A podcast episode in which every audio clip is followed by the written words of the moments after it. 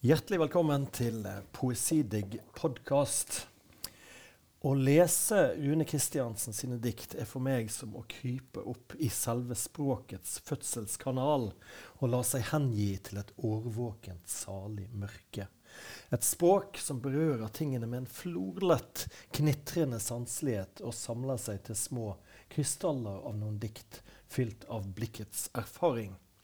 Rune debuterte allerede i 1986 og ga ut en jevn strøm av særegne, fine samlinger frem til årtusenskiftet, før han skiftet litt fokus over til romanen, hvor han har hatt stor suksess med sin nærmeste filmatiske prosa. Likevel så har vi de siste 20 årene innimellom fått noen små mesterverk av noen samlinger. Senest årets 'Jeg går i sorg'.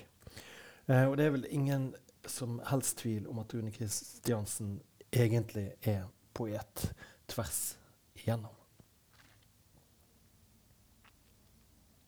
Gutten som vandret omkring som død, han forestilte seg, han skapte seg om, en ubetenksomhet han i virkeligheten fryktet. Og jenta som tråkket ned et par støvler, hun holdt hånden opp mot pannen og manet fram vemodige sanger.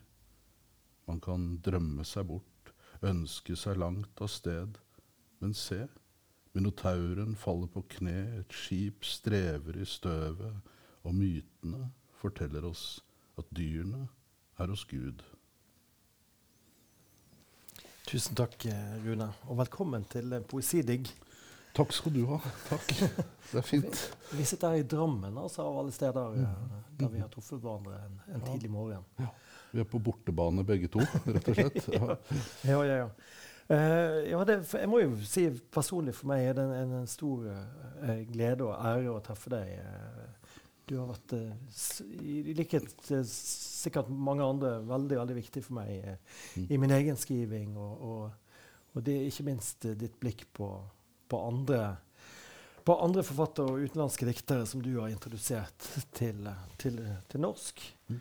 Så det, det, er litt sånn eh, Jeg føler at du er litt sånn founding father av mitt eget språk. Så det er litt sånn eh, At du var med å forme det tidlig. Så, så det er litt sånn ja. Ja, men Takk. Hyggelig å høre at uh, ting betyr noe. Ja, takk skal du ha. Ja.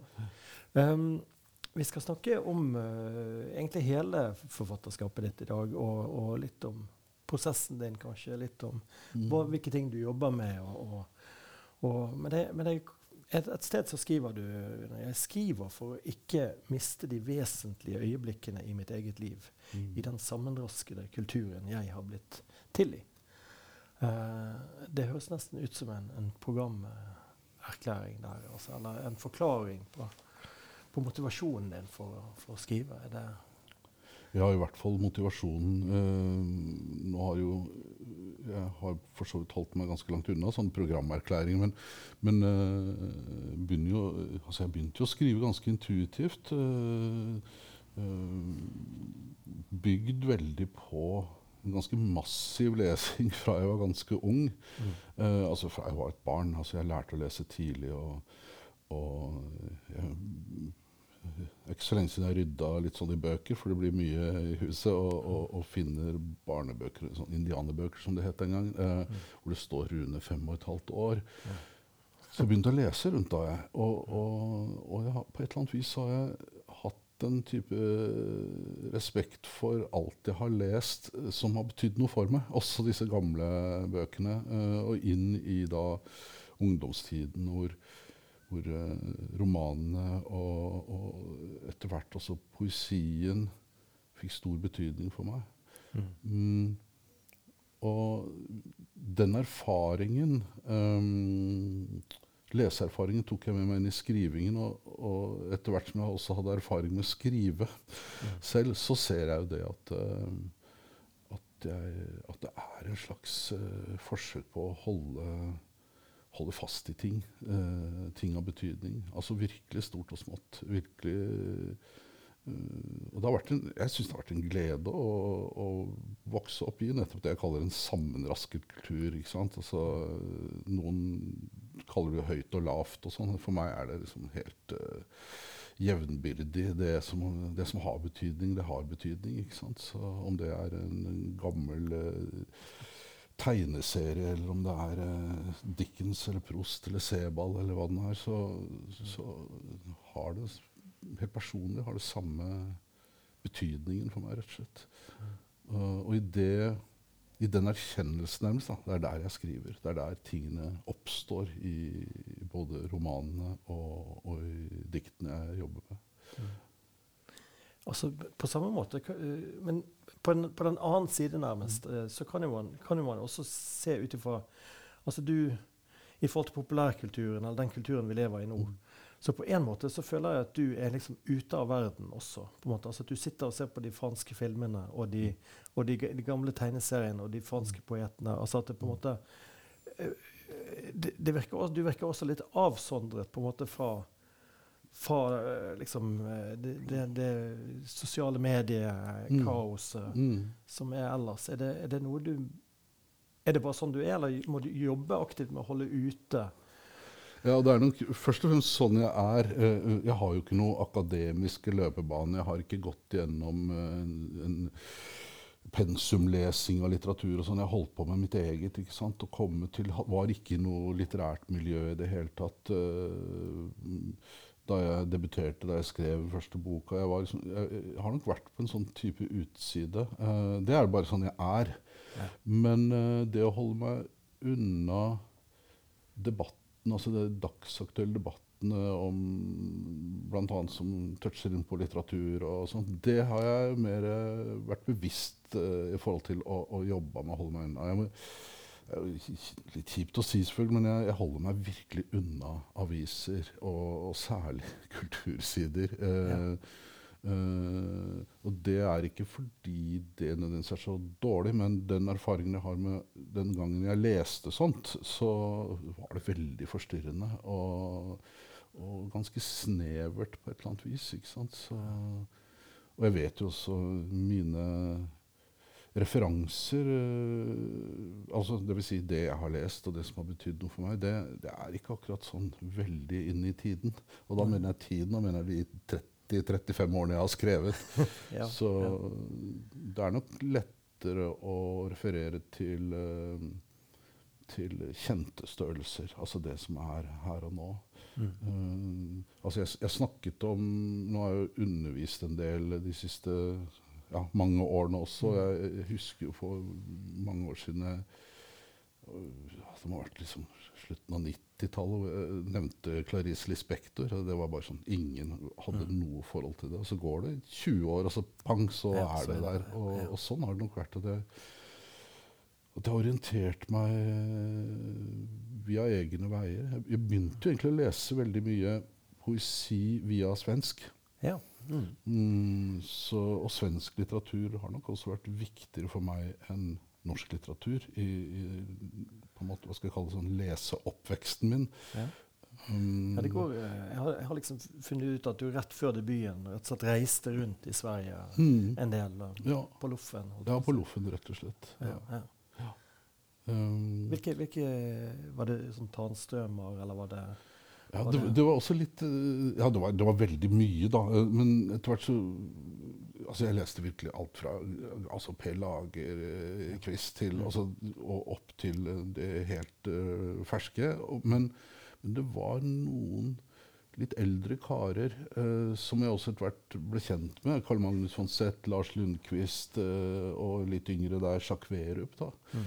Um, og Bo Karpelan i Finland. Så de ble veldig viktig for meg også fordi uh, jeg leste Bo Karpelan, og dermed så han hadde et, en diktsuite dedikert til Paul Celan. Ok, hvem er Paul Celan? Så gikk jeg ut derfra. Og Jacques Werup ga jo ut sammen med kona si, Marie Werup, en uh, antologi som het 'Boulevarder og fogelstrekk'. Det var i 84. Ja, ikke sant? Og det, det, og det var fransk poesi? Det var ti eh, samtidige franske poeter. Og jeg tror 75% av de har jo jeg gitt ut hele bøker av. Ja. Der, der, leste jeg jo Leslie Kaplan og, og Kar, mm, mm. uh, James Sacré Så det var det var, eh, det, en åpenbaring, da? på en måte? Eller, han var tidlig ute, og så ga han veldig god plass. Altså, det er jo en 15 dikt av hver, kanskje 20 Ja, ja, av 10. Så, så den, den ble ekstremt viktig for meg. Det var da jeg kom i kontakt med eh, fransk samtidspoesi i veldig stor grad. Mm. Var det også da du fikk kontakt med ditt eget språk, eller det som skulle føre til debuten? Eller, eller var det en påkobling der, eller kommer det litt senere? det, kom, det er ting i de bøkene som jeg ser spor av. Til og med i debutboka mi så er det Nå husker jeg ikke helt uh, hvilket dikt, men et eller annet sted inni der så er det et dikt som er nesten en sånn pastisj på et Leslie Kaplan-dikt. Ja. eh, ikke sant? Jo, jo, Altså, så være, ja. eh, For så vidt på min måte, men, men allikevel. Så, men det er nok først senere, uh, inn mot den uh, En av disse vendingene som jeg kan se i mitt forfatterskap, var jo at jeg, jeg forlot uh, forlot versedelingen og linjedelingen sånn som det hadde vært, og, og jobba mye mer med prosadiktet. Eh, som jo har en sterk tradisjon i, i Frankrike og Spania og, og sånt. Som, så prosadiktet uh, med f.eks. uh, diktsamlingen 'Antikamera' som var den, Der hadde jeg en annen type erfaring med meg inn, også noe jeg nok også hatt med meg forfatterskapet. Jeg blir, jeg blir ferdig med ting. Jeg liker ikke å gjenta meg. Jeg liker ikke å, å la ting gå sånn sirkulært i utviklingen av forfatterskapet. Da. Så er, Ja, ja. vi, vi, ja, vi skal snakke om antikamera Mm. og, og, den, eh, og den, den, en- den vendingen som skjer der. Det, det, det er jo også noe, noe som får betydning for norsk poesi faktisk generelt. Altså den introduserte jo kortprosaformen for Mm. en hel haug med Mm. Eh, unge skriveelever, bl.a. meg sjøl. Og, Ja. og, og, og din og, og, Nils Fredrik Dahl. Nils Fredrik Dahls bøker. Samme år tror jeg så han ga ut uh, samlingen um, Antecedentia. Ja, Litt sånn, Vi snakker jo med hverandre, og det visste vi jo ikke før vi begge ble omtalt i en eller annen avis. ja. ja, ja. Uh, men, uh, men uh, Og jeg husker vi brukte Jeg tror jeg brukte det sånn at jeg, at jeg gikk meg litt sånn tom på det jeg kalte da litt uh, bråkjekt uh, poesiens klingklang. Altså de utvendige signalene om at det er poesi. For det er jo versedelt, og så er det linjedelt. Ja. og så da, det, jo- da må det jo være poesi. Ja, Så jeg begynte Jeg jo å liksom godt når med du- det. Ja. Jeg husker når du kom og sa, sa det at, eh, at det var jåleri. da. Hvis du, å bryte linjen var jåleri. da, fordi at eh, du skal, hvis, hvis det ikke kan stå rett ut som en, som en firkant eller som en tekstbok, Ja. så er ikke det godt nok. Liksom. Hvis ikke det gjør inntrykk i seg sjøl, Ja. så kan du bare hive det. Ja da. Det, er jo sånn jeg står for og ikke står for. Eh, Men, eh, men eh, problemet jeg hadde med det, var jo at det ble noe sånn automatisert poesien. Og noe vagt og noe opphøyd. Altså man brukte helt annen lupe når man leste poesi. Akkurat som man lette etter noe annet enn hva er, det, hva er det som faktisk står der på setningen. La oss begynne der, også med poesien. da, ikke sant? Um, og da var det sånn at kvaliteten skulle ligge i språket uavhengig av uh, linjedeling, hvor det liksom var sånn megetsigende plassering av ett ord på linja. Altså, jeg har jo senere jobbet med, med linjedeling, altså, men jeg, jeg føler at det var en bevisstgjøring rundt sånn, hvorfor gjøres det sånn. Altså, ikke sant? Det, så, så det var mer en sånn eh, Ja, eh, et oppgjør med noe egentlig ved poesien som sjanger. Ikke nødvendigvis at, eh, at jeg hadde noen sånn programerklæring rundt at ting bør se annerledes ut. Jeg prøver jo virkelig hele mitt liv som skrivende så har jeg prøvd å holde meg unna det å ha et litteratursyn som er veldig sånn Det skal være sånn, en roman skal se sånn, et dikt skal se sånn. Man må bare, man må bare jobbe fram det som engasjerer en, tror jeg. Det som, det som brenner, da. Ikke sant? Ja. Ja, for, det, for det, jeg vil jo si at i, altså, Vi kan jo kanskje høre fra Antikamera nå. Det kan, kan jo passe. ja. Den kommer da i, i 90, 96. Og det er din syvende bok, faktisk. Mm. Det er såpass langt inn i, i Ja. rekken. Ja, det er det da, ja. Mm. Ja, jeg, da jeg bare leser uh, Ja. er Jeg har ikke planlagt noe sånn lesesystem her, men uh, Det er fint. um, åpner et dikt som uh, har tittelen 'Etter bryllupet'. Jeg våkner tidlig, og ikke uten glede betrakter jeg ringen på høyrehånda. Få dager etter oppdager jeg at knoklene er svarte, og Sett fra det trange rommet er eh, horisonten en gåte på størrelse med to tente fyrstikker. Du fryser, og uten krav kryper du inntil ryggen min. Det er et enkelt språk fylt av hemmeligheter. Været er usikkert, og det finnes så mye død i nærheten av det romerske alfabetet. Jeg får, jeg får faktisk litt uh, reaksjon. For det, dette, disse tingene betydde mm. veldig mye. Jeg snakket med Pedro Carmona Alvarez i går. og Vi snakket jo om antikamera, og, og den, altså at den virkelig slo hardt. Og vi leste det om og om igjen. på en mm. måte. Altså det var, kunne, kunne passasjer uten ja, okay. Så det var, wow, ja. det var fint, altså. Men, uh, men uh, jeg tenker vi, vi, kan nærme oss litt måten du uh, nå har jo lytteren fått et, fått et, inntrykk av hvordan disse tingene ser ut. Og, og mm. Et sted så skriver du altså vidt, vidt om, om, litt om egen skriving. Vidt forskjellige bilder nærmer seg hverandre fra svært ulike områder av mm. hukommelsen og skaper en uventet logikk, en konsekvens, en retning. Dermed kan man definere minnets logikk slik sammenhengen mellom et appelsinskall og døden. Mm. Uh, jeg, følte at den, den treffer veldig godt. Uh, men, men, men, denne sidestillingen som du jobber med, altså, hvordan, hvordan, fremstår det i glimt for deg? Altså, nå, nå, uten å bli metafysisk, på en måte. Men, men altså, ja. er det, er det hvordan, hvordan, Ofte så sidestiller du to-tre situasjoner, mm. eller tre mm. sånn, og så, og så, virker de på hverandre. Mm. på en måte, og mye opp til leseren å på en måte romme mm. den avstanden mellom dem. Ja. Uh,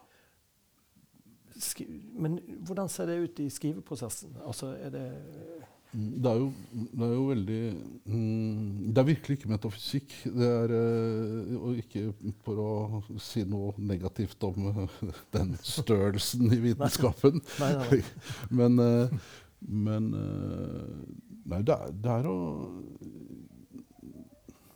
det er jo å stole på egen intuisjon og stole også på assosiasjonene. Jeg har nok vært assosiativ eh, også fra barndom av. Og, og, og, hvis jeg skal se på det og prøve å si noe om noe som kunne ligne en metode, så er det nok at jeg går tilbake til veldig tidlig år i barndommen, hvor jeg sånn på vei hjem fra skolen uh, veldig, kunne bli veldig sånn uh, opptatt av noe som lå i en grøft. Et dyr, et dødt dyr. Uh, og, og, samtidig den måten å være veldig til stede i det som, som et barn. Da, sånn der, Wow, se på den meitemarken der.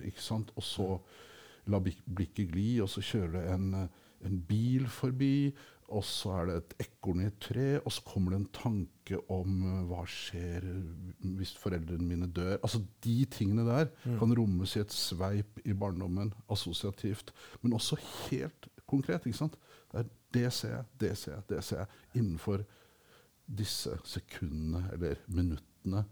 Så den den erkjennelsen av at sånn har livet mitt vært, altså, kanskje til og med i, på både godt og vondt tankesplett. mm. uh, den har nok uh, kanskje i mangel av nettopp uh, akademisk lesing og analyse av, uh, av f.eks. poesi, at jeg har um, måttet gå til egen erfaring, altså ren, konkret erfaring, mm. og prøve å skape poesi, litteratur, som har det Som anerkjenner det som nesten en metode. Uten at jeg tenker at det er en metode. Men jeg prøver å være tro mot det. Mot de sveipene av blikk. Og også være veldig vært opptatt av koblingen som jeg dyrket veldig i tredjeboka i Dødvannet. var sånn, Jeg kalte det sånn totrinnsdikt. Det ene var en uh, fysisk bevegelse. Det kunne bare være sånn å hånda stryke håret bakover, eller, mm. eller uh, børste bort uh, støv, eller noe mm. sånt. Og så en refleksjon. Ja. Så det veldig konkrete, hverdagslige, og, og tanken som følger på, intuitivt, usystematisk på et vis, det har nok vært noe jeg ser det har fulgt meg som La oss kalle det noe metodisk, men det er jo, jeg vil heller kalle det intuitivt. Altså at skriften min er intuitiv. Stole på innfallene, rett og slett. Ja. Ja, ja. Når, i, I forhold til motivkretsen din, så, Mm. så har jo du Du snakker uh, ofte varmt om, om barndomsårene på, Mm. på Mm. Østerås Eiksmark, Mm. der for øvrig min, min kone er fra. Ja. Så vi feirer jul faktisk på Eiksmark. og- ja, der ser du. Ja, det ja. fint, fint. Mm. Men, men altså dette, dette barndommens landskap eh, eh, Sånn som jeg forstår det rett, så, så bruker du fortsatt det som en, en kilde? eh, Mm. Som en, Absolutt. ja. Absolutt, helt klart. Mm. Både liksom uh, gjennom uh, erindring og minne. mm, Og så vet jeg jeg reiser litt, eh, går turer i samme område. Det er veldig, veldig uforandret. Det var veldig etablert den gangen. Med, jeg vokste opp i en blokk helt på toppen der. Og, og faren min var fabrikkarbeider eh, i Sandvika. Og, og den koblingen også, det å være i Bærum eh, med sine konnotasjoner, og det å være arbeiderklassegutt, og veldig bevisst det på et vis, det er også en sånn som jeg har tatt vare på. Men også det å utvikle det, ikke som en sånn Ikke som en sånn eh, barndommens liksom, fortryllende år, det er ikke der, men eh, kanskje like mye sånn det kompliserte ved forflytninger i livet. Flytte derfra, eh, havne på fremmede steder. tapene på et eller annet vis også. Eh, Men det var utvilsomt, og det var På barns eller et ungt menneskes vis så var jeg også bevisst den gangen eh, eh, Kom til sånne erkjennelser at eh, Jeg tror jeg var sånn åtte år. Jeg kan huske at jeg sto liksom ved oppgangen utafor blokka, og det slo meg en tanke sånn der at jeg er jo aleine i verden. Det er jeg som vektlegger og verdilader det jeg opplever rundt meg. Og den erkjennelsen at eh, Hva skal jeg si På en måte Midt oppi masse venner og alt sånt, så jeg er nok en einstøing. Og jeg tenkte ikke, brukte ikke det ordet da, men altså at jeg, jeg, jeg var, merket at jeg var opptatt av ting som som det ikke var så lett å dele med andre. Og det er også den der eh, fascinasjonen for eh, alt mulig skrot og småtteri og sånt. Altså det, det, det, jeg, det tenkte jeg den gangen også, at dette er jeg nok litt aleine om. Og det kan man sånn i seinere år tenke sånn Ja, men der begynte det et eller annet Ja, ja. poetisk prosjekt. Ja. Altså et prosjekt for litteraturen jeg skriver. Ja. Mm. Det der å ja, anerkjenne det som er mitt eget, på et vis. Altså, det, det er helt ubetydelig i mitt eget Det som har hatt betydning for meg, men som er ubetydelig i de større sammenhengene. Da. Ja, ja. Mm. ja. Et personlig eh, kartotek av min Eller øyeblikk, Ja. nærmest. Altså. Rett og slett. Ja.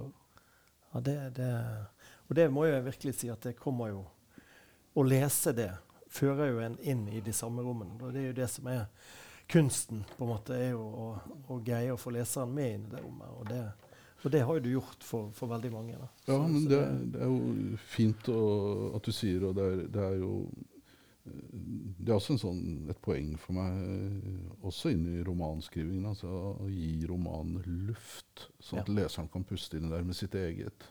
Ja. Og ikke Altså, jeg, jeg, jeg, jeg presenterer noe som er tydelig sånn visuelt, f.eks. Det er tydelig rom. Å, ja. Mm. uh, tydelige mm, personer. Uh, og, og, og, men allikevel åpner opp for, eh, for luft i romanene, litt sånn som poesien også har det. Eh, altså At leseren kan gå inn og velge og vrake litt der inne. eh, Komme med sine egne erindringer. Assosiere selv. Det, det, er, det er viktig for meg hele veien. Virkelig hele veien. Ja, for jeg lurer litt på det. liksom. Altså, jeg søker jo poesien selv fordi at jeg liker de øyeblikkene. altså det, det, det, Den åpenbaringen, Mm. den lille, Mm. det lille glimtet. som- Mm. Men, men jeg lurer på hvordan du det, altså det ble nesten som å gå gjennom en skog for meg, og så kommer man til en lysning i skogen. Mm. Der var diktet. Mm. Og, og, så jeg bare lurer på, når du jobber med romaner, så, så greier du å beholde den altså Den sensitiviteten eh, ville jeg sjøl synes var vanskelig å, å beholde. Så, Ja. så hvordan, hvordan jobber du med de strekkene? Jeg tror i hvert fall i utgangspunktet så er det avgjørende sånn jeg ser det. Og ikke bare på mitt eget forfatterskap, men eh, jeg tror det er avgjørende for meg at jeg kommer fra poesien. Ja. At jeg kommer fra ikke poesien som noe sånn hellig og helt rart og spesielt og opphøyd sted, men språklige mm, Hva skal vi si Gehøret, på en eller annen måte. Jeg, jeg vet Nå tråkker jeg sikkert noen på tærne, men jeg, jeg, vet om, altså, jeg vet om mange gode romanforfattere som kommer fra poesien. Andre veien å være romanforfatter og gå til poesien Jeg vet nesten ikke om noen. Det er, eh, det er et eller annet som, som blir vanskelig der. Så det gehøret og den bevisstheten om også fortetning, Mm. som poesien tross alt har, um, den har jeg helt klart med meg inn i romanen. Ja. Og i større og større grad på et eller annet vis også. Um, Ja. Men uh, for meg er det å jobbe med romaner også jobbe litt sånn med med mm, vektlegging av de fysiske rommene, konkretene objektene. ikke sant? Men det krever en annen form for uh, narrativ, tross alt. Det krever en annen form for uh, standhaftighet i skriveprosessen òg, fordi det, det tar lang tid, og, og, og ting uh, vektlegges litt på en annen måte, og språket utvides. Jeg husker Bo Carpelan sa noe sånn som høres helt sånn nesten primitivt ut. Men uh, den erfarne forfatteren Bo Carpelan var, da, velutdannet og virkelig belest, han var så nedpå når han sa det. Han sa sånn, poesien, uh, egen skriveerfaring som han hadde, var sånn Poesien den er som sånne snapshots. Den er som små lapper. Alt skjer veldig raskt her. Man kan godt jobbe med et dikt lenge, men hvis det ikke liksom skjer noe hastigere i poesien, så, så, så, tror jeg man tapper ut en eller annen uh, verdi. Um, og det, det Med snapshot det synes jeg er litt sånn fint uh, bilde. For snapshot for meg er sånn der, uh, som man tok i gamle dager med fotoapparat. Og det var litt, sånn, det var litt dyrebart òg, det man retta kamera mot. ikke sant?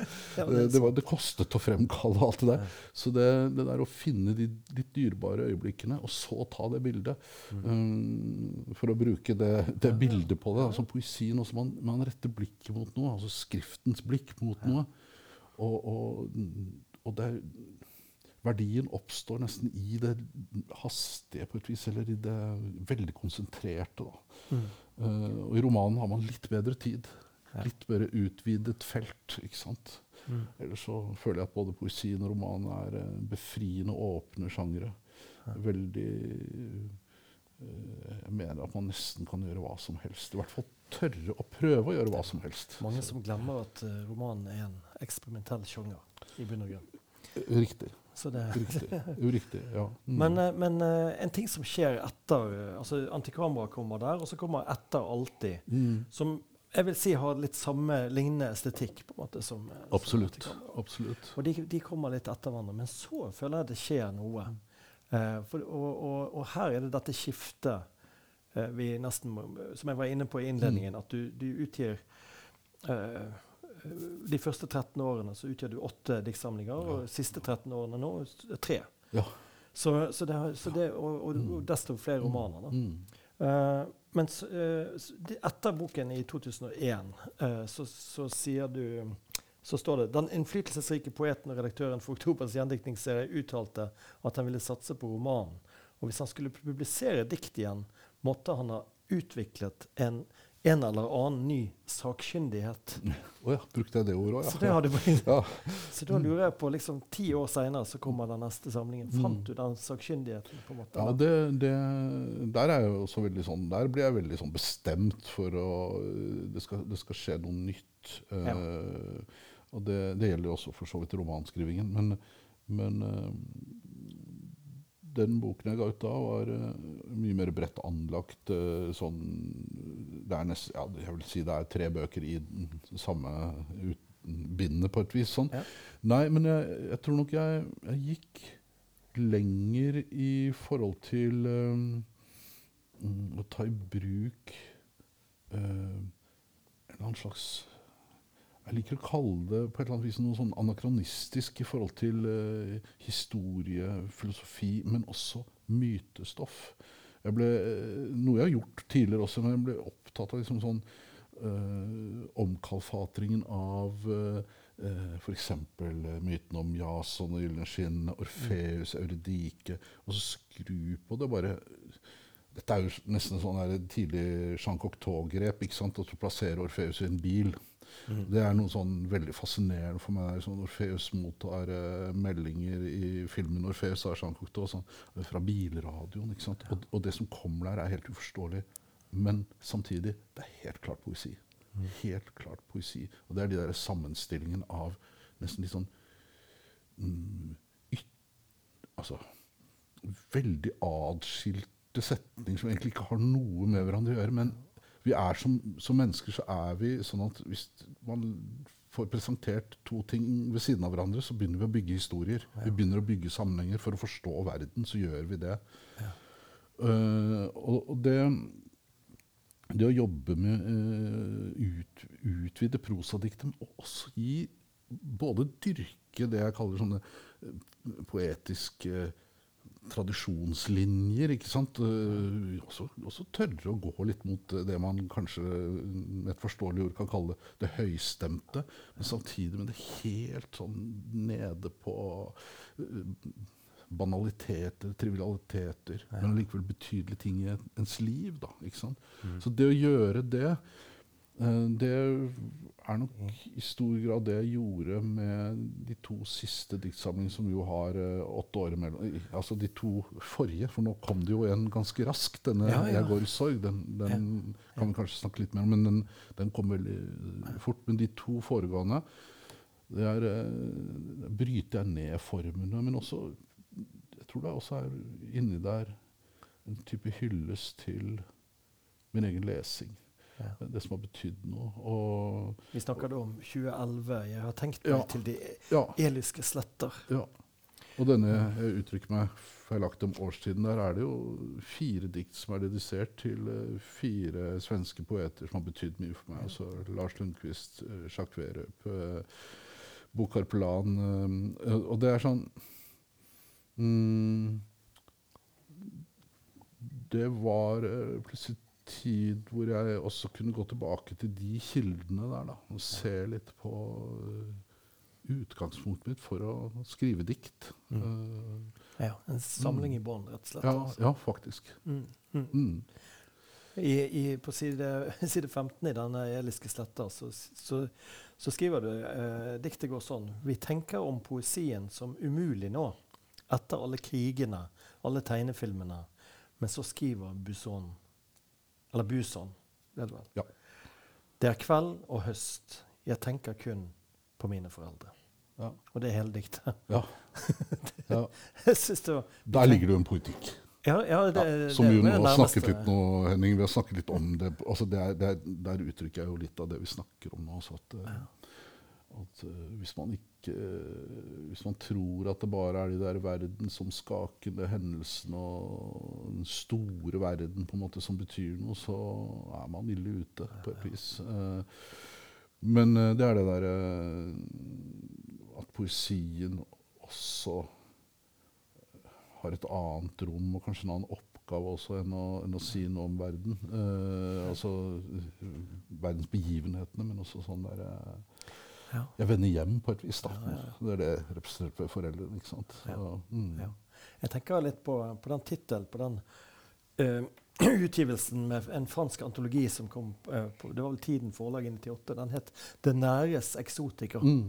Og jeg syns den tittelen er, er, litt også bærende for din, din uh, ditt forfatterskap. Altså, ja. Det er nettopp det, det, altså, det, helt konkrete virkeligheten vi har rundt oss i hverdagen, mm. er faktisk ganske eksotisk. Mm.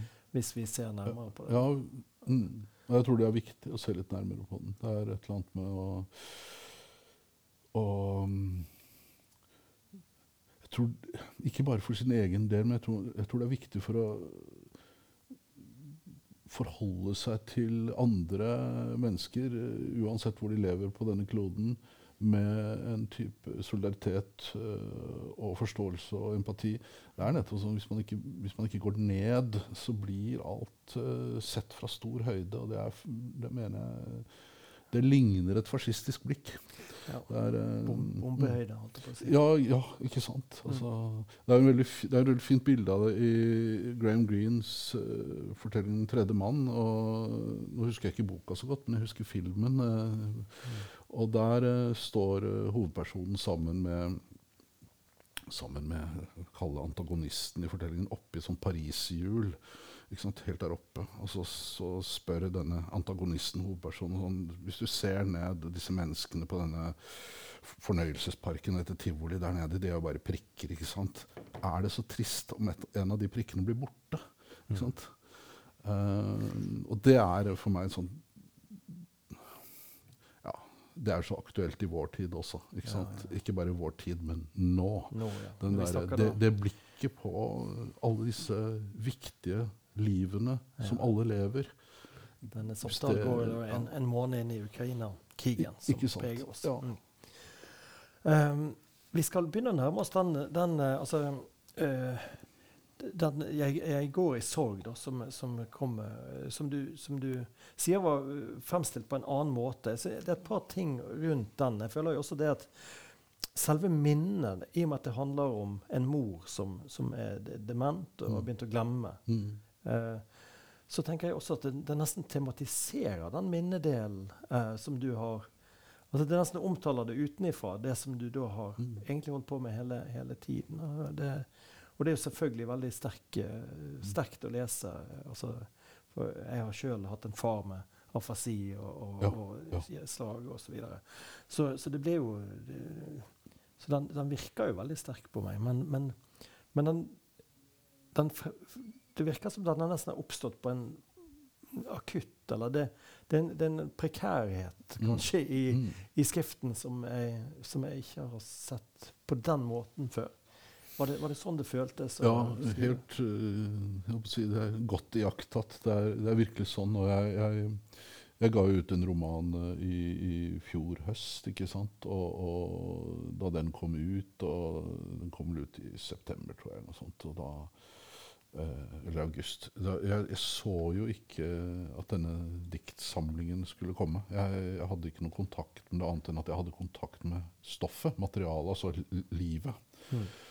Um, men uh, jeg våknet uh, en natt og hadde nettopp som du sier, noe, noe sånn prekært Altså en setning eller to som ja. bare det, disse, disse, kan jeg ikke Disse må ikke gå tapt. Jeg må notere de. Ja, ja. Og tidligere har jeg vært litt sånn Jeg kan våkne om natten og komme på noe, så tenker jeg sånn altså Hvis jeg ikke husker det, så er det ikke verdt noe. sånn. men, um, men, disse noterte jeg, og sånn var det i et strekk gjennom august og, og, september og videre. Sånn, sånn nesten hver natt. Mm. Ikke så mye om dagene, men om nettene så var det sånn øh, et, Altså å møte den tilstanden, eh, relasjonen til moren min, eh, tapet av henne, tapet av språk som vi kunne utveksle, alt det der. Det ble nettopp veldig akutt og prekært. Og etter hvert så, så var det masse notater. Og da satte jeg meg liksom, som et mål sånn, det, det, jeg klarer å få til av dette før, uh, i god tid før jul, tenkte jeg da. Så jeg, jeg, ville ha en tidsbegrensning. Jeg ville, dette er ikke noe jeg skal jobbe med i årevis og kanskje ha en avdeling i en større bok, sånn som jeg gjorde de to foregående diktsamlingene. Dette skal få lov å være en mindre diktsamling. Den skal være det den er i det den oppstår. Og så tenkte jeg altså nå skal jeg utforske noe her, og nå skal jeg se liksom hva altså Prøve å behandle notatet som en egen sjanger. Ja. Notatet som sjanger. Ja. Det er klart det er bearbeidet og sånn underveis, men, men, egentlig ganske raskt. Jeg har latt mye stå. Jeg har også latt uh, fire eller fem avdelinger hete sånn syv notater. Eneste organiseringen ja, der var at det er syv. At jeg bruker de uh, Det er jo sånn uh, sjakk robot-ting altså, altså, inni Olipo der med å sette sette noen begrensninger eller sette noen systemer på plass. Så jeg ville ha det. Og så er det et magisk, nesten religiøst tall også, syv. ikke sant? Så. Mm. Men ellers så lot jeg det stå sånn, og det det minnet meg, Hvis det minner meg om noe ti, i tidligere arbeid, så er det litt uh, sånn jeg jobbet med i 'Dødvannet', altså min tredje diktsamling, tredje bok. Også litt sånn jeg jobbet sånn helt i begynnelsen. altså det der Igjen lot det intuitive få lov å stå. Den gang uh, fordi jeg kan så mye skriveerfaring, men, men nå også la, la etterarbeidet få lov til å liksom seile sin egen sjø. Ja, ja. Men, men, det ble Så du har liksom beholdt det skisseaktige? Ja, jeg ville ha, jeg ville ha, jeg ville ha det umiddelbare. Altså se om det dannet det man kan kalle poesi, dikt, ikke sant? men også kalle det rett og slett notater. Ja. Uh, og jeg har jobbet med sånne ting før, men nå, nå nettopp som du sier, Henning, der med at nå Det har jeg heller aldri gjort på den måten før. Altså Gå inn og jobbe med et helt klart tematisk sånn reisverk, på et vis. da.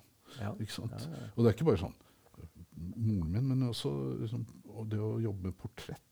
Selvportrettet. Så det er, det er, jo en bok om min mor og meg ja. i en eller annen prosess mm. hvor, hvor, minner og sånt flyter over hverandre. og og det, det var uh, utrolig frigjørende og også veldig Ganske vondt å jobbe med det. Uh, det var ingen steder å rømme unna. Det var ingen steder å um, Som en roman kan jeg flytte mine egne ting, kvaler og alskens, over i en annen person. ikke sant? Jeg kan til og med Eh, ha fire siste romaner av kvinnelig hovedperson, så jeg dytter liksom tilsynelatende enda lenger bort fra meg selv. Men, men denne gangen så tenkte jeg sånn Dette er en selvbiografisk diktsamling. Ikke sant? Ja, uh, og det, ja, det, var avgjørende for at jeg igjen Jeg sier jo også jeg, jeg vil, uh, hvis, jeg skal, hvis, jeg skal, gi ut en diktsamling igjen, så må jeg finne tilbake en enklere form. Og det skjedde også med denne, syns jeg. Mm. Kan vi få høre deg lese fra 'Jeg går i sorg'?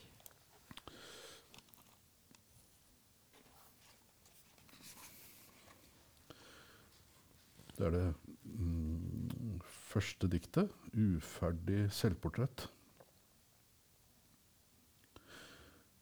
Jeg tar farvel med mor. Hun gir meg en nøkkel, men uh, det finnes ingen nøkkel, bare hånden utstrakt og avskjeden et knapt hørlig etterskjelv. En kongle lander i en vannpytt, og det er ennå ikke høst.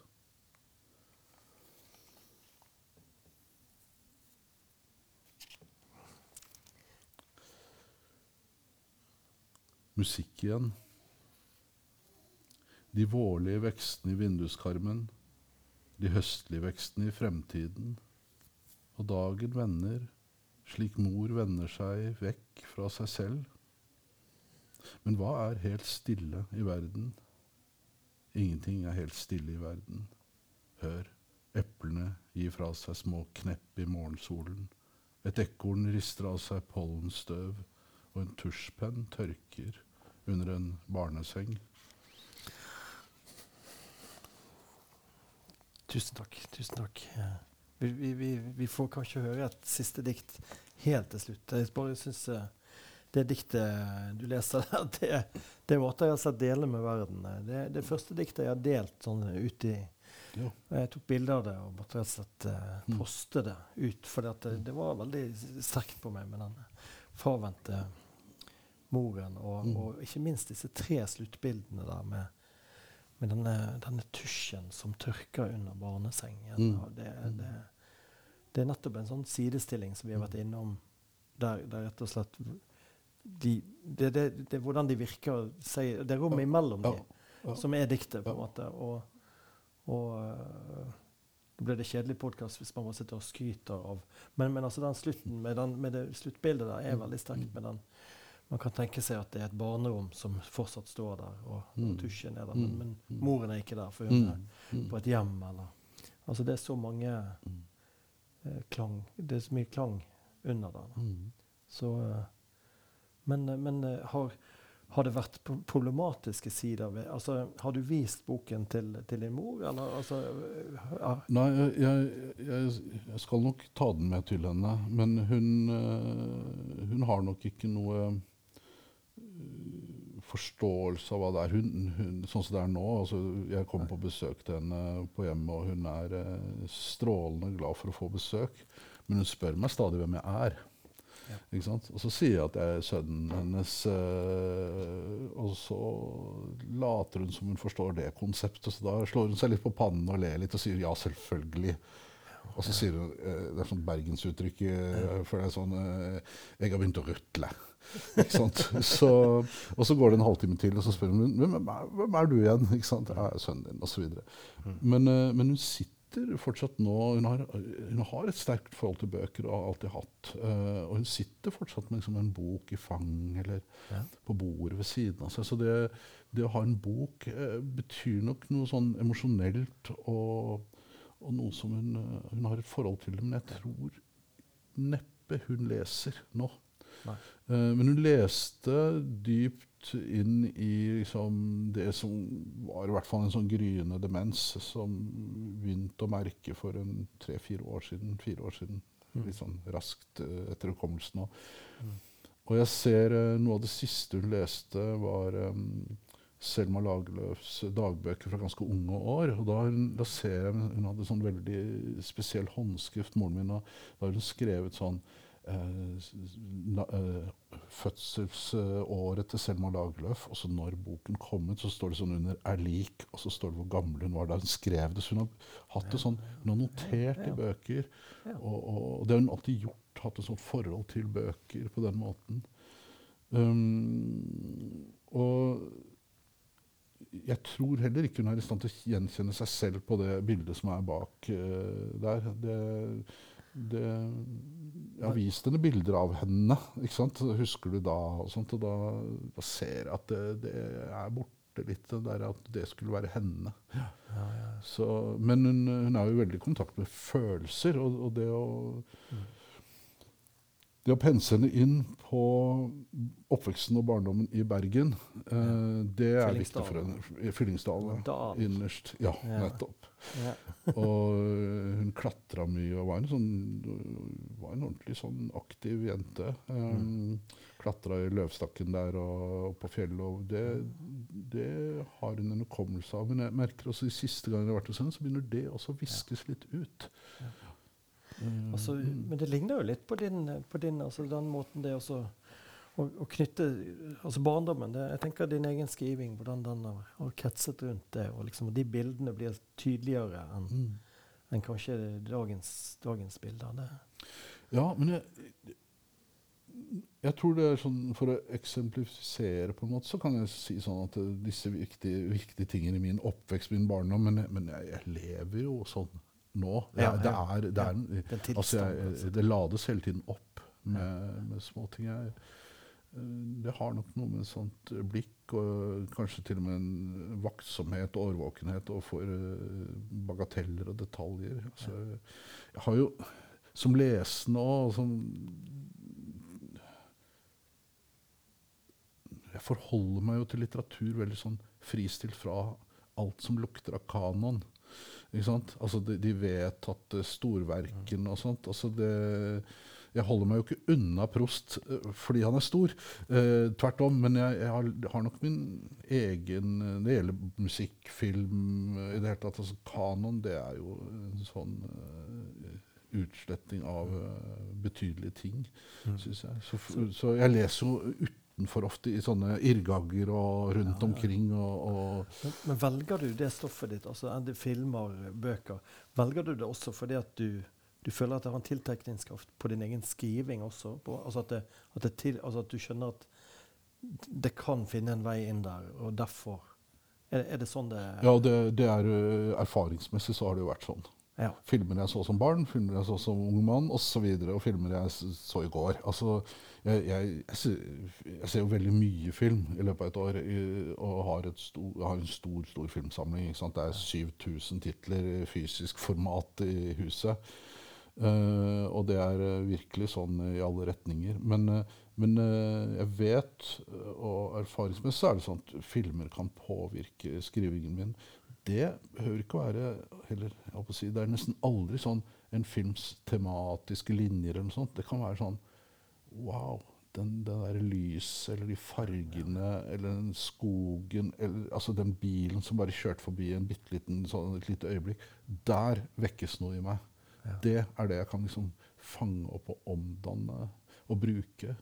Det er veldig sjelden jeg tenker at uh, dette var en spennende stoff eller spennende tema. Uh, det skal jeg også skrive ut. Nei, det er, det er ofte sånn uh, bagateller også der, da. Mm.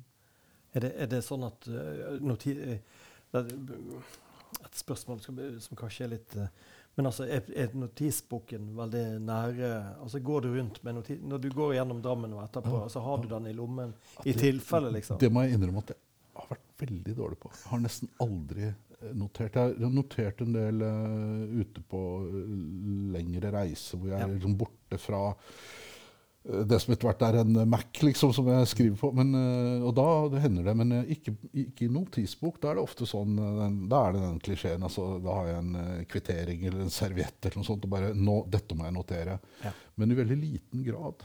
Veldig liten grad. Og jeg tror i de aktive skriveperiodene mine så, så, bobler det hele tiden. Det er, det er, noe hele tiden. Så jeg føler ikke behov for å liksom samle opp stoff, fordi det bare er der på et vis. Organiseres veldig, veldig ja, intuitivt og sånt. Så, ja.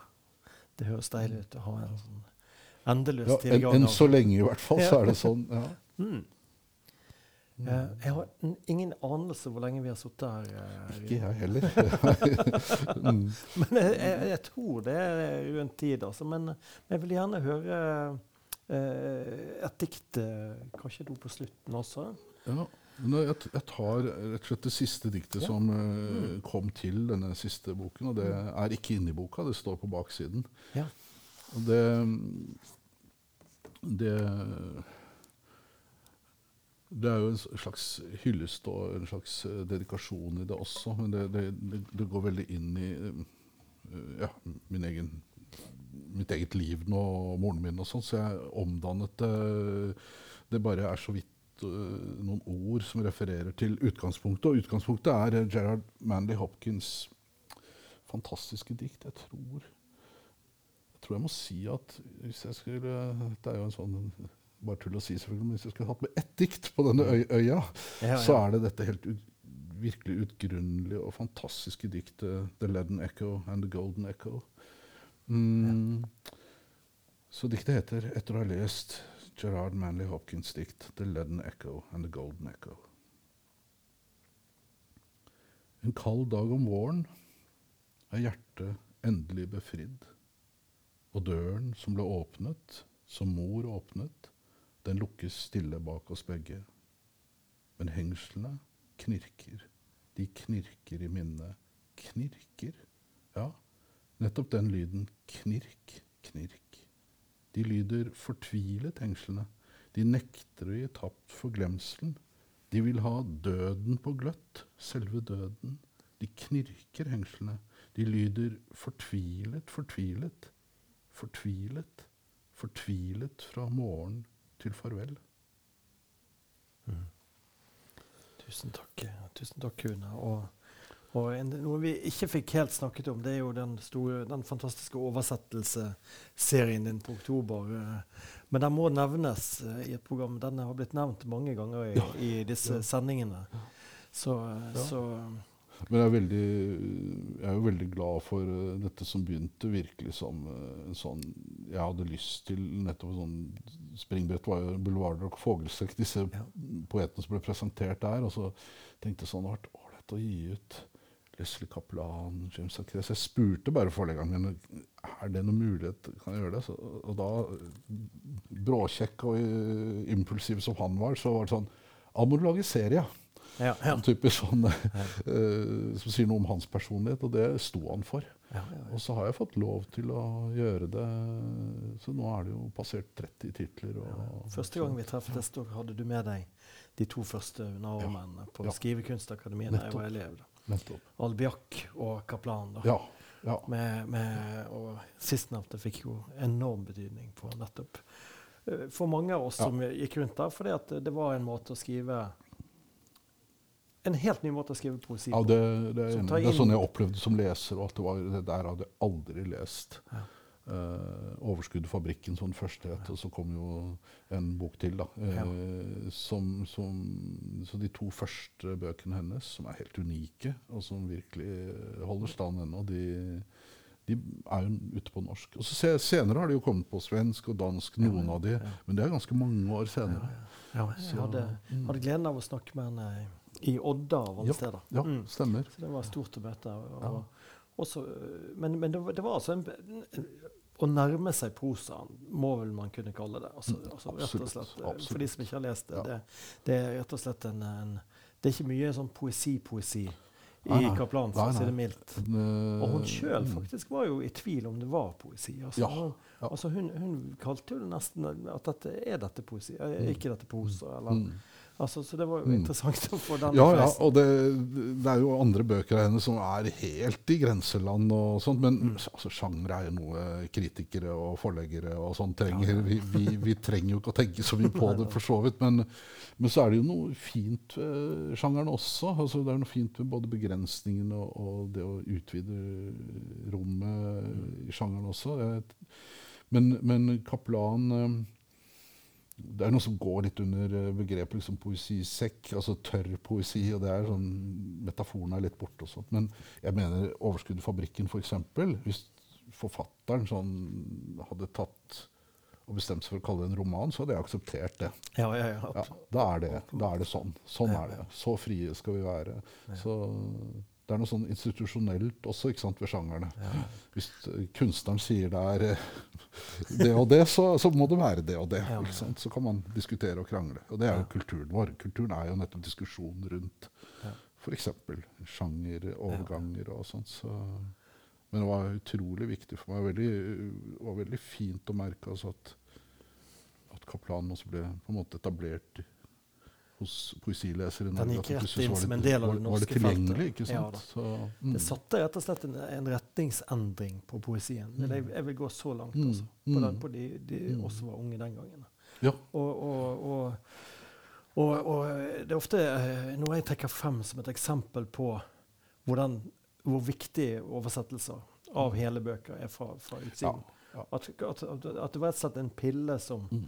Som den norske poesien trengte. Ja. Det var noe vi manglet. Ja. Og der fikk vi eh, et nytt redskap. Ja. Mm. Ja, det, det er fint, og det er jo noe av det viktige sånn jeg skulle lage en serie, var nettopp det du sier der. Altså, jeg, jeg ville ikke antologisere ting og plukke noe dikt her og der av forskjellige Jeg ville sånn hele bøker. Ja, ja. Hele bøker hele veien, så man kunne lese den boken til den forfatteren osv.